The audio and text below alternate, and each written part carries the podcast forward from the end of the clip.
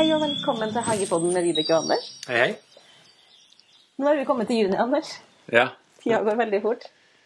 tida går fort i hagen, ja. hvert Ja, det gjør det ellers òg.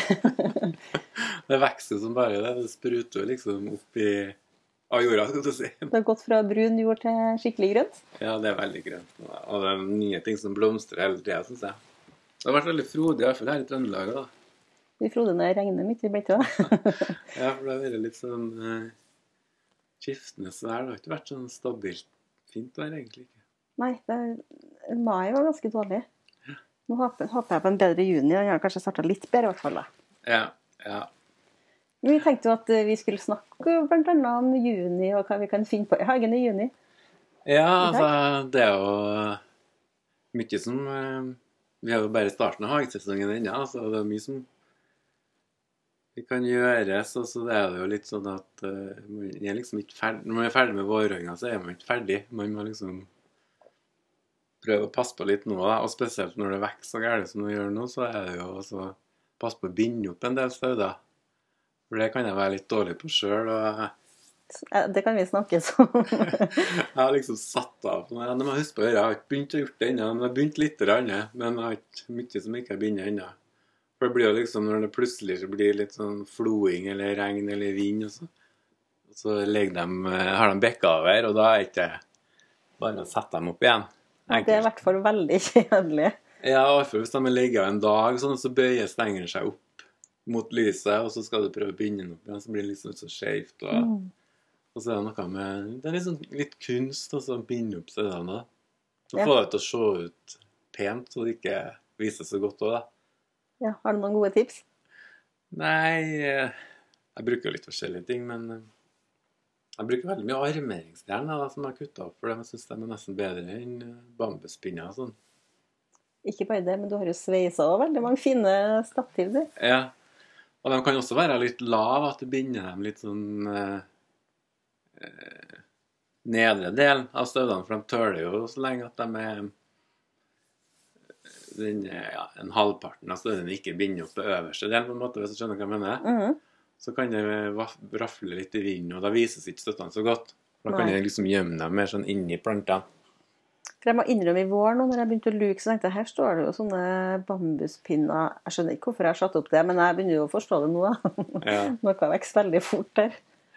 Men som en del av sånne sveisa aper Nei, sveisa støtter og sånn har de jo stående til pioner. nå har jeg bare stående eh, året rundt. Da. For pion er jo en sånn typisk plante som har lyst til å legge seg ned når det blir litt tungt regn. Ja, det er i hvert fall de som er fylt, det er de som er tunge. Mhm. Hvis det er pioner som er litt mindre og enkle i blomsten, så klarer de seg Ja. støtte. Uten støtte, da. Ja. På pionene gjør jeg akkurat som det jeg har et stativ stå- stående ut hele året.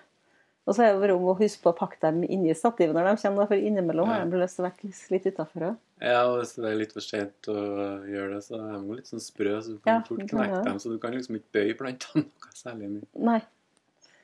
Det, det har jeg erfart mange ganger. Så det er liksom en viktig del nå, da, å skynde seg å binde opp staudene som ikke har gjort det. Mhm. Og så er det jo den evige lukejobben, da, at, man, at nå begynner jo ugresset å komme i blomst og frø seg litt. Så det er liksom en idé å prøve å få luka unna før det frø seg, for da sparer du litt mer arbeid. Blir aldri slutt på lukinga.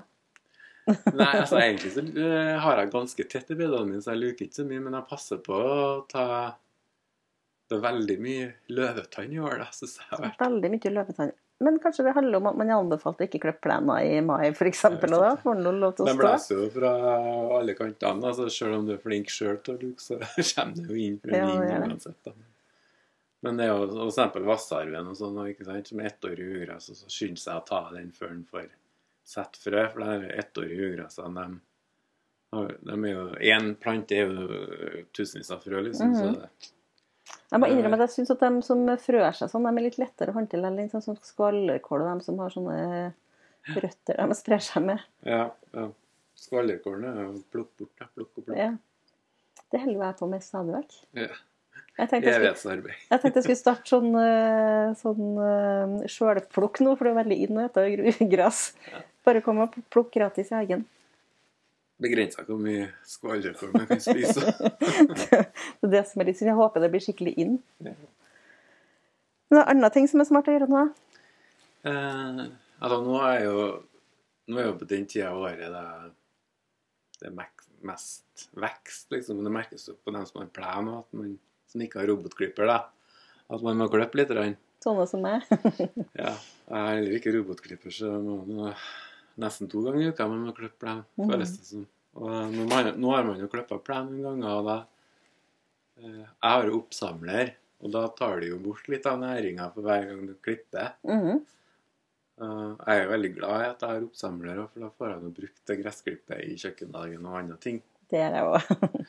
Eh, men så det kan jo være liksom en idé når det er meldt noen dager med regn eller noe, at man drar og gjødsler plenen Mhm. en tur til da. Det blir veldig fin plan når man får litt gjødsel, i hvert fall. Ja. Merkes veldig godt. Ja. Eh, men sånn, hvis du har robotklippere, så eh, Ja, du kan jo slenge på gjødsel, da, for da slipper du å klippe det. Men de har jo De samler jo ikke opp, så det går jo mye mer næringer tilbake. Så behovet for gjødsling er egentlig mindre enn Ja, så mye som samler opp. da. Man kan, eh, kan spare seg litt gjødsel. Ja, Mhm. kan egentlig det.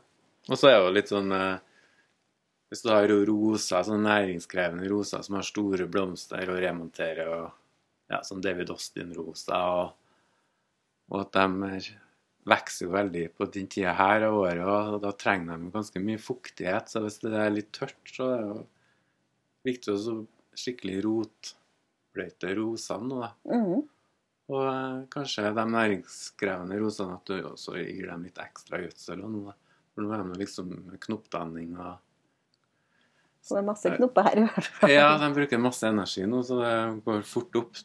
Med, men da, det spørs jo hvilke roser det er. Hvis det er sånn enblomstrende roser, så er ikke næringsbehovet like mye stort. Da, men de som eh, remonterer dem, og du kan ha på en runde til nå. da. Så en fin påminning. Husk å gjøds- gjødsle. Ja, og så er det noe med sykdommene og meldugg og som er sånn stress for tørke som egentlig kommer Så det vises senere på sesongen, men skaden skjer jo liksom regel i juni at det har vært tørt på forsommeren. da. Mm. Så blir plantene litt stressa, og så blir de smitta av en sånn soppsykdom som blir sånn hvitt Og... Så derfor så er det litt sånn greit å, å vanne de plantene som du har som er utsatt for meldugg og sånne ting. da. Det er fint fint å sjekke, i hvert fall. For jeg har jo sjekka litt sånn i kjøkkenhagen nå, og så er det faktisk litt tørrere enn jeg tror, da. Ja, Jeg tenker at det regner litt hver dag, men så regner det faktisk ikke så mye at det blir ordentlig bløtt. Det har vært veldig sånn overskya, så de regnskurene som har vært Det har vært noen som har vært ordentlige, da, men så har det også vært noen som har vært bare sånn kort, som du tror at det er litt. Men så er det egentlig ikke så veldig mye regn. Det er smart å stikke fingeren i jorda og sjekke. Men det her med vann, for her er jo den rosa veggen, den må jo ha mye vann nesten uansett om det regner, så den må jeg jo bare passe på. Ja. Nei, altså det er litt sånn øh, Ja, det eksploderer jo litt sånn med både vekst vekster og også skadedyr og sånn òg på her. Det kan være på rosene i hvert fall med lus og sykdommer. Og det kan være larver og sånn. Vi hadde jo en episode om klematis, da, den klematisvepsen som Mhm. og de klekkes jo ut nå i hvert fall hvis du har alpeklematisene der som eh, blomstrer tidligblomstrende, de kan jo nå klippe litt på nå. For nå de, hvis de har blitt angrepet av sånn klematisveps, så får de sånne ut eller sånne knudrer på stemmen. Ja, det vises veldig godt. Ja. Så kommer det larver etterpå. Ja. De spiser ganske fort, de. De et råfort, og hvis du rister på den, så drysser sånne larver ned. Det er litt ekkelt. Så det kan være liksom være litt sånn i forkant og så klippe bort de der angrepne stenglene nå, kanskje, før de eh, klekker ut. da. Det er et veldig bra tips. Så ja, det er litt sånne ting i juni. Og, og så er det liksom eh, Det er veldig fin tid, for nå er det jo så varmt, så det er jo ikke noe fare for å sette ut eh, Alle sånne sommerblomster som er varmeskjær, kan jo bare stå ut, og drivhuset kan jo bare være åpent nesten døgnet rundt. Ja. Men det kan være at du må kanskje bytte ut litt i pottene. og sånn, Hvis du har stemor, f.eks. De har jo en tendens til, å- iallfall til meg, når de begynner å komme i slutten av ju juni, I juli, så begynner de å begynner å bli litt trist, ja. Ja, de, liksom, de blomstrer seg i hjel. Ja.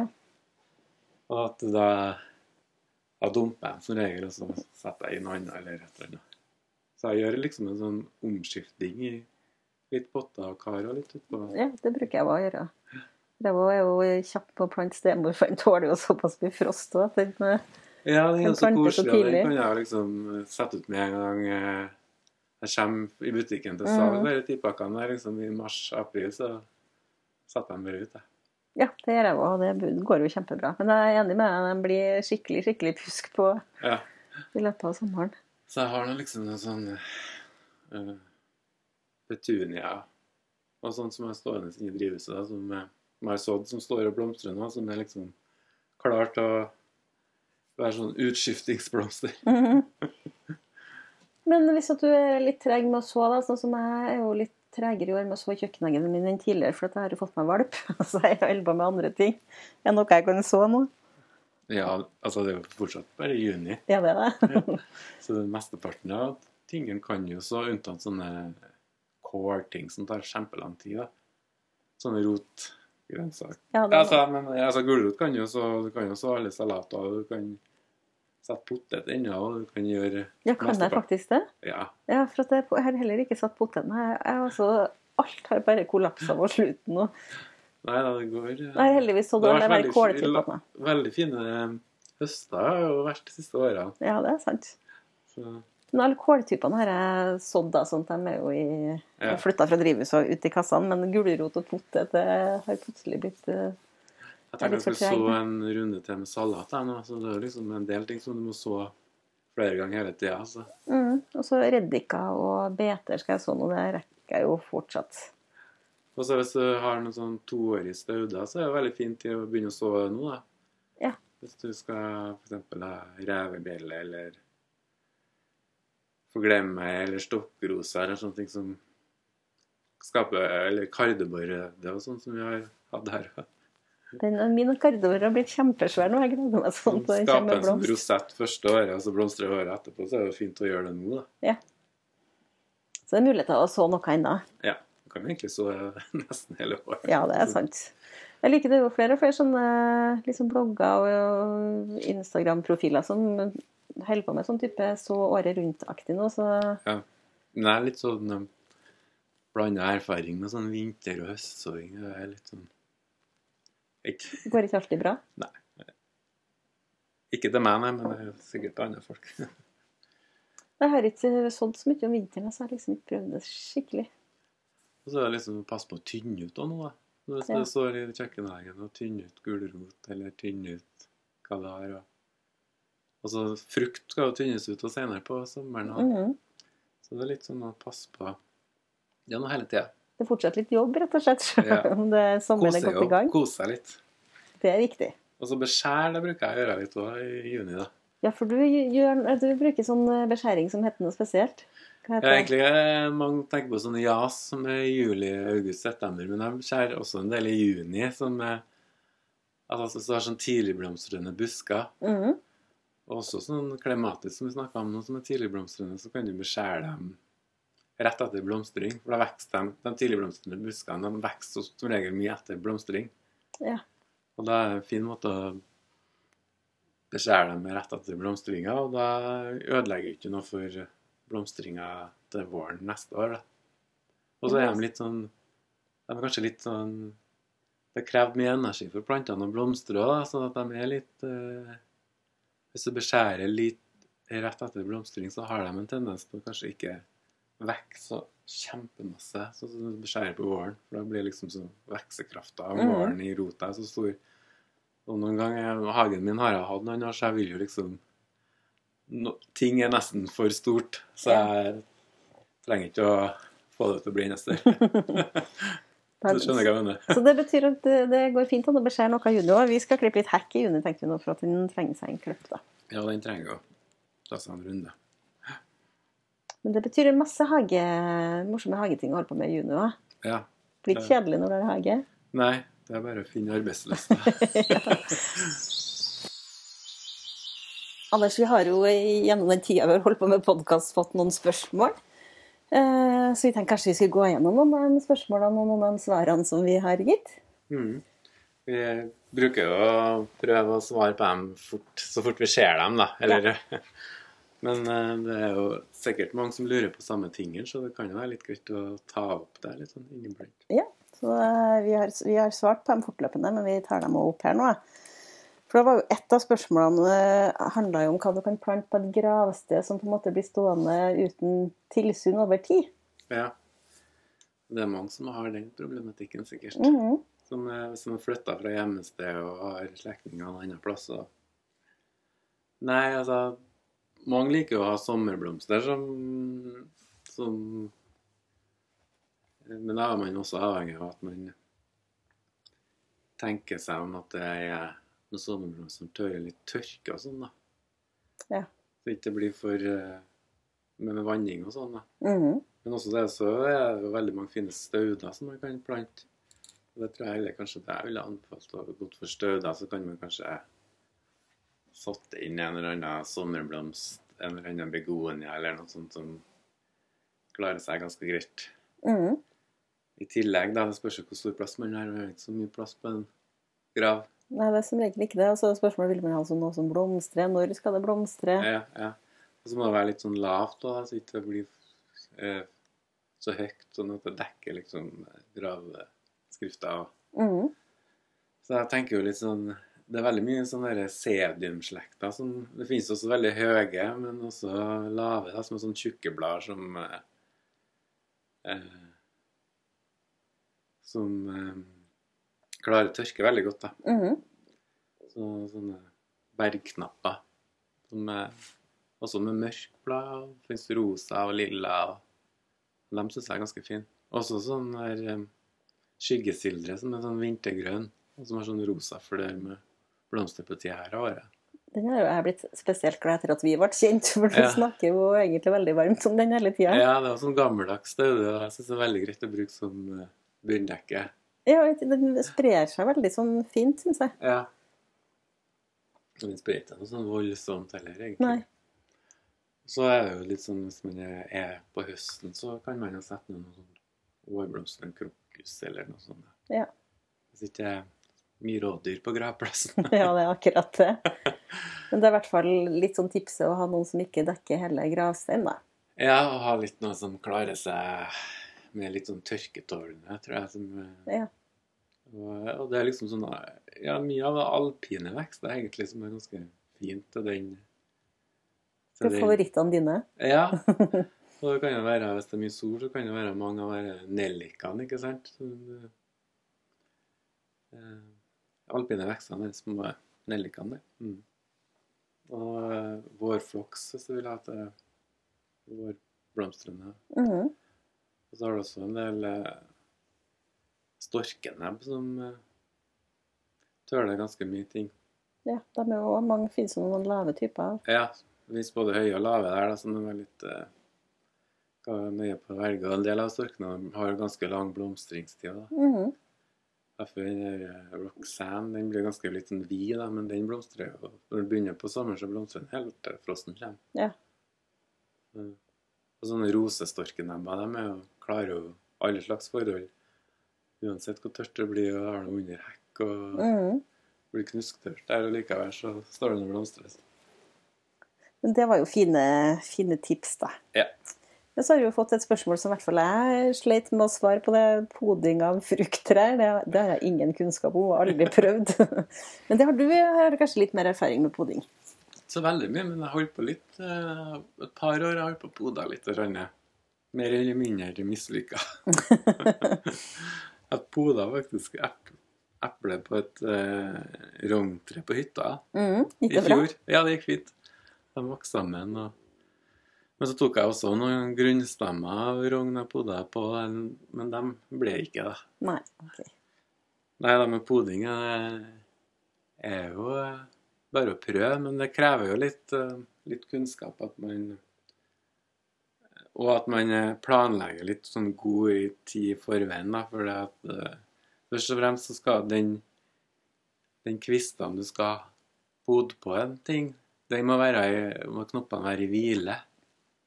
Så nå er ikke timinga for Nei, poding. det, så, nå er det for sent å pode, da, men det er jo noe altså Tenk på at eh, til neste år altså Enten så Hvis du skal pode et epletre på Så kan du tenke på å lage grunnstammer i år. Da, at du har en grunnstamme.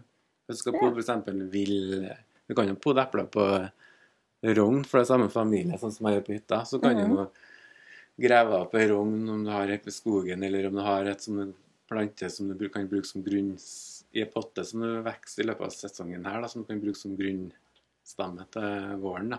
Ja, Det er kanskje litt sånn viktig det du sa, at um, de må være i samme familie. Du kan ikke pode et eple på en bjørk, eller? Nei, det er i samme familie, så du kan ikke ta eple på eh, plomme eller steinfrukt. eller Nei, noe sånt. så du kan ikke velge Ja. hva som helst. Nei. Det er samme familie, og så må den podekvisten må tas med på vinteren, eh, i januar-februar, når den er i hvile, og oppbevares i fuktig avispapir i bunnen i kjøleskapet eller noe sånt kjølig, da, fram Mhm. til april, eh, når eh, våren begynner å komme, så skal du boden på den eh, grunnstammen din, da, eller Mhm. på et tre du allerede har fra før av. da. Ja. Og da må du liksom lage et snitt, og da må du bruke veldig sånn skarp og ren kniv. Og, og, det er de barkene Altså, det er jo litt teknisk, så det er ikke så lett. Det så det er egentlig best å se litt sånne videoer på YouTube hvordan det bodde et rein. Ja. Og der er det jo det barklaget der, så det er et sånt grønt kadmiumlag, tror jeg. Det er et sånt grønt lag mellom Det ser du veldig godt når du snitter, i hvert fall. Ja, og det må treffe det, de må treffe hverandre, for da skal cellene vokse sammen der. Ja, så det grønne på det grunne på styrken, det må treffe hverandre. Ja, når du Ja. poder på den andre og sånn, så du, så du lage et, et skrått snitt, eller det kan lages mange forskjellige, du kan lage en kile, du kan lage og man treffer hverandre, og så må du binde sammen med litt sånn hard eh, teip og podevoks, så du ikke får det helt tett og sånn der òg, da. Mhm. Så det krever litt teknikk, men det er noen som bare prøver det litt. Altså, Men det er i hvert fall det, det er feil tid av året å gjøre det nå, men eh, man må også planlegge i god tid, god tid da, for da må jo hente podekvistene litt på vinteren, så må man vente til våren, og så må du ha grunnstammer. Man kan legge seg en plan nå, men kan ikke Ja. gjøre det nå. Nei. Men det var jo et fint tips, og fint å sjekke YouTube. og da nesten Det meste kan jo sees der, tenker jeg. Ja, det meste kan skjønnes der, og det er jo veldig greit, for da får du jo video òg. Mhm. Og så har vi fått et spørsmål som eh, omhandler hvordan man skal oppbevare frø. Ja, det er Noen frø tøler jo nesten ingenting, Nei. og noen frø kan ligge i 10-20 år og 30 år uten noe problem. Så sånn salatfrø eller eh, revbjeller og sånne ting kan jo være 30 år, tror jeg, uten at de mister spireevne. Men så har du jo en del sånne sommerblomster som Ja, for eksempel jeg snakka om de kvannene og de der, og, og de mister jo spireevnen når de tørker inn. De må være fersk. Ja. Mm. Men de sier jo at det beste er å ha det i en tett boks, eller legge det i fryseren, eller Men jeg bruker å ha det i kakebokser på kjøkkenet. Ja, jeg legger mine frø i kaffefilter, og de kaffefiltrene oppbevarer jeg i en skoeske i et skap. Ja, så Men det viktigste er vel at det er ganske det, det er tørt. De kan ikke være fuktige ja, tørt, og så eh, og mørkt. mørkt, og så delvis kaldt, og, men jeg er ikke så nøye på det. For jeg Det ikke opp, heller. prøver ikke å oppbevare frøene så altfor lang tid. At det skal være i mange år, liksom. Nei. Men da fikk man noen eh, Men det er artig å samle frø. altså Det vil jeg Ja. anbefale alle å holde på med, for det er Mm. en, eh, en fin måte å Ja, men det er litt med de staudene kan være litt verre med at øh, hvis de ikke tøler å tørke inn eksempel har du litt sånn Ja, det kan jo være sånne lønner, sånne japanske lønner, hvis du har noe frø av dem, at du kanskje legger dem bare en fukt At de er litt fuktige i en, i en øh, brødpose, og legger dem i fryseren og sånn. Ja. Med en gang, at de ikke får tørke inn. For en del av stødefrøene de øh, mister spireevnen når de tørker inn. mm. Du må liksom eh, google etter hvilken sort du har, og se om de må såes fersk. Ja. Så har vi julerosene og sånn. Ja, så klassisk en som må sås fersk. Mm. De setter jo frø om ikke så altfor lenge. Ja, kanskje mine kommer til å gjøre det òg. Ja, som regel så spirer de jo rett under planten. Ja. Kanskje håp, for julerosa mi var jo så fin i år for aller aller første gang. Jeg har hatt den i årevis, men den har vært så pjusk, syns jeg. Ja, ja. Men i år blomstrer den skikkelig, da. Og så har vi jo fått noen spørsmål om skadedyr, og det ene handla om Eller skal, kanskje ikke Meldugg på kaprifol. Mm, ja det snakka jeg jo litt om her tidligere her nå, at eh, det er litt sånn tørkestress mye. Mm. Og noen kan jo være mer utsatt. Og, og det er liksom hvis du planter kanskje for nærme husveggen, så det blir veldig tørt. Og det er jo tida her av året i juni at man passer på vannet skikkelig. Det er egentlig nå jobben eh, for å forebygge begynner. Ja, Ja. akkurat på Men hvis du først har fått det, hva gjør du da? Det er ikke så mye å gjøre, egentlig. Du kan jo lage en sånn blanding med, med en sånn bakepulver og vann og skummamelk og litt forskjellig kjerringråd. De dør ikke av det. Nei, de ser bare litt sånn stygge ut. Men kommer det tilbake neste år, eller? er Ja, sånn- det blir jo liggende der sporene da, fort av fra bladverket og detter Ja. ned på jorda. Kommer med vind og Hvis det er planter som er litt utsatt for det, så kan det være at eh, hvis du får det hvert år, at uansett, da, så kanskje man bare bytter ut det. Ja, det høres jo sånn ut. Men det betyr forebygging er kjempeviktig, da. Ja, og det kan jo være noe klimatisk altså, fort for det. Ja. Så har du noen sånn, sånn Sibir ertebusk, sånn en hekk som har brukt noe gammelt av mye. Mhm. Vet du det, kanskje? Nei. Den får meldugg hvert år, og de er ikke noe å gjøre med. De bare graves opp og kastes og blant Ja. noe annet. Det er kanskje det, du må plante noe som tåler å stå i hagen din. Det er i hvert fall min filosofi, Mm. og det fungerer veldig fint. Hvis noe ikke funker, ta det bort. Og nå har jeg jo glemt av det siste spørsmålet. Uh? Jo, det der med at du skal flytte, ja. Ja. Og du vil ha med deg noen ting fra hagen din. Hva gjør du da? ja jeg, vet, jeg vet jo egentlig ikke hva som er lov å ta med seg heller. Jeg tenker på når det må kanskje avklare litt med nye eieren og sånn. For det tenkte jeg opp. Jeg tror det må, det må sikkert eh, stå veldig tydelig hva man skal ha med seg og ikke. Eller si, si ifra at du kommer til å ta med deg ting, og ta med Ja. at du ikke liksom robber hele hagen uten at den uh, nye eieren er klar over det. Da. Ja. Men samtidig så er jo litt Hvis du er veldig hageinteressert og har samla på masse, så vil du jo ta med deg, og det vil jo jeg òg skal flytte. Og, og så er ikke sikkert den nye eieren er så interessert i hage. Kanskje vil, vil bare ha noen trær og plen og enklest mulig. ikke sant? Så Mm. de bare hiver opp, hiver opp bare alt sjøl lell.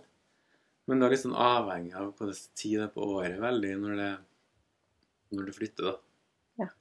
Så tidlig tidlig om våren, så går det jo som regel greit alt, ikke sant. Og sent på høsten òg, når alt det begynner å komme seg i dvale og sånn, så er det jo fint å flytte. da. Men midt på sommeren er litt verre. ja, da krever det litt mer at uh, Kanskje du må klippe neste øde og sånn helt ned. Uh, og grave dem opp og passe på at uh, det holdes fuktig der det settes ned. ikke sant? Men at du tar bort klippe ned bladverket. Mm. Får kanskje klippe dem i to og bla av For det skal liksom stå litt i forhold røttene og bladverket. ikke sant? De klarer ikke å, å få nok vann hvis du har en blomstrende staune som du graver opp, liksom. Det er kanskje greit å kutte dem av. Det går an å ta med seg noe. Ja, det går an. Det er bare å prøve.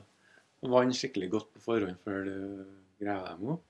Dagen før. Og, og du kan også forberede litt hvis du vet at du skal busker og trær og sånn. og Hvis du vet at du har et spesielt tre hvis du tar med og du vet at du neste år skal selge hus, eller vi skal Mm. Så kan du begynne å rotskjære trær, da. Ja. ja, det har jeg faktisk sett på et TV-program. Ja, du stikker liksom ring, ring Ja. rundt uten, uten å grave opp det. Så blir liksom Mhm. treet litt sånn forberedt på det.